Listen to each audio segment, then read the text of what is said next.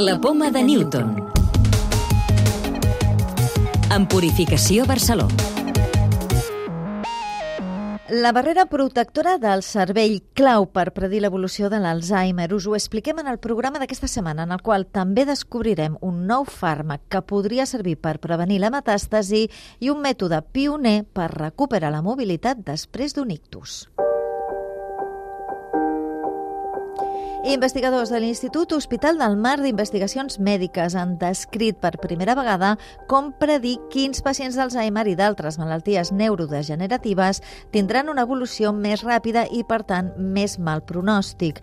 El que han descobert és que el deteriorament de la barrera hematoencefàlica, és a dir, la membrana que protegeix el cervell, està relacionada amb l'evolució d'aquestes patologies.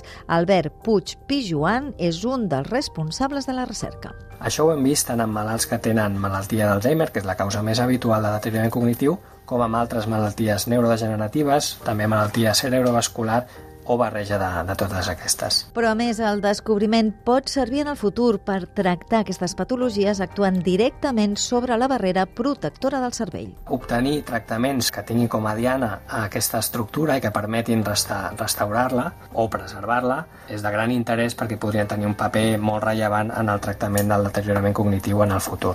I aquesta relació entre la barrera hematoencefàlica i les malalties neurodegeneratives també ofereix l'oportunitat de prevenir o frenar l'evolució d'aquestes patologies. Un bon control de factors de risc cardiovascular, com la hipertensió o sobretot la diabetis, que són els principals factors que poden danyar aquesta barrera, pot ser molt important tant en la prevenció del deteriorament cognitiu com en tenir una evolució més favorable durant el procés. La recerca s'ha fet amb més de 300 pacients diagnosticats de deteriorament cognitiu lleu o demència causats per diferents malalties com ara l'Alzheimer o la malaltia cerebrovascular. Més coses. Un nou fàrmac desenvolupat a Catalunya podria ser el primer capaç de prevenir la metàstasi abans de la seva aparició. L'han desenvolupat conjuntament l'Institut de Recerca Vall d'Hebron i l'empresa BCN Pèptides i ja s'ha provat al laboratori en ratolins amb resultats molt esperançadors.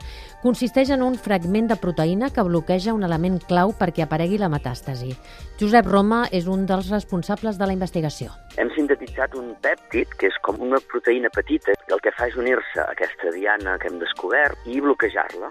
Aquesta proteïna és molt necessària perquè les metàstasis tinguin lloc i aquest fàrmac serveix per inhibir aquesta proteïna i, per tant, inhibir el fenomen de la metàstasi. Una tècnica experimental de neuroestimulació pot servir per recuperar moviment després d'un ictus. És el que han demostrat investigadors de les universitats nord-americanes de Pittsburgh i Carnegie Mellon en dues dones que tenien seqüeles cròniques després d'un accident cerebrovascular.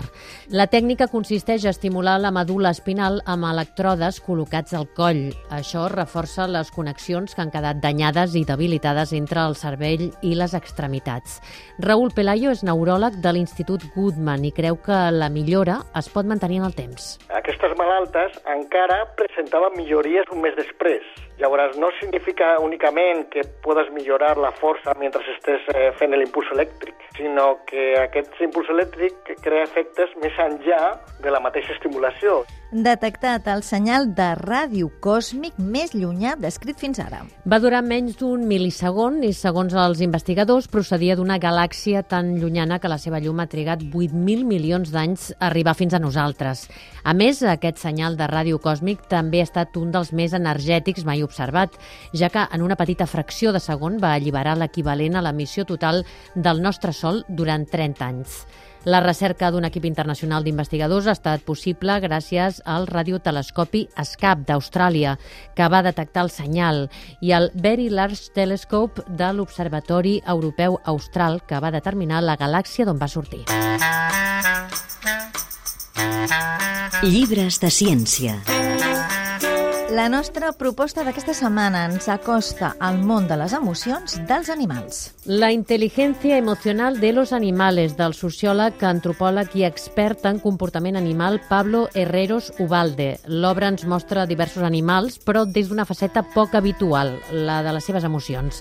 Ens transporta al món emocional, entre d'altres, d'una ximpanzé quan es mira al mirall per primera vegada, d'una altra quan té una cria amb síndrome de Down, d'una elefanta quan també es converteix en mare o de dos guacamais enamorats per tota la vida.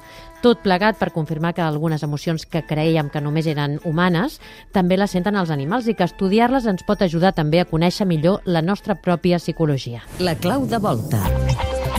Quina és la composició de la vacuna catalana d'IPRA contra la Covid-19? Júlia Blanco és cap del grup de biologia d'Irsicasa.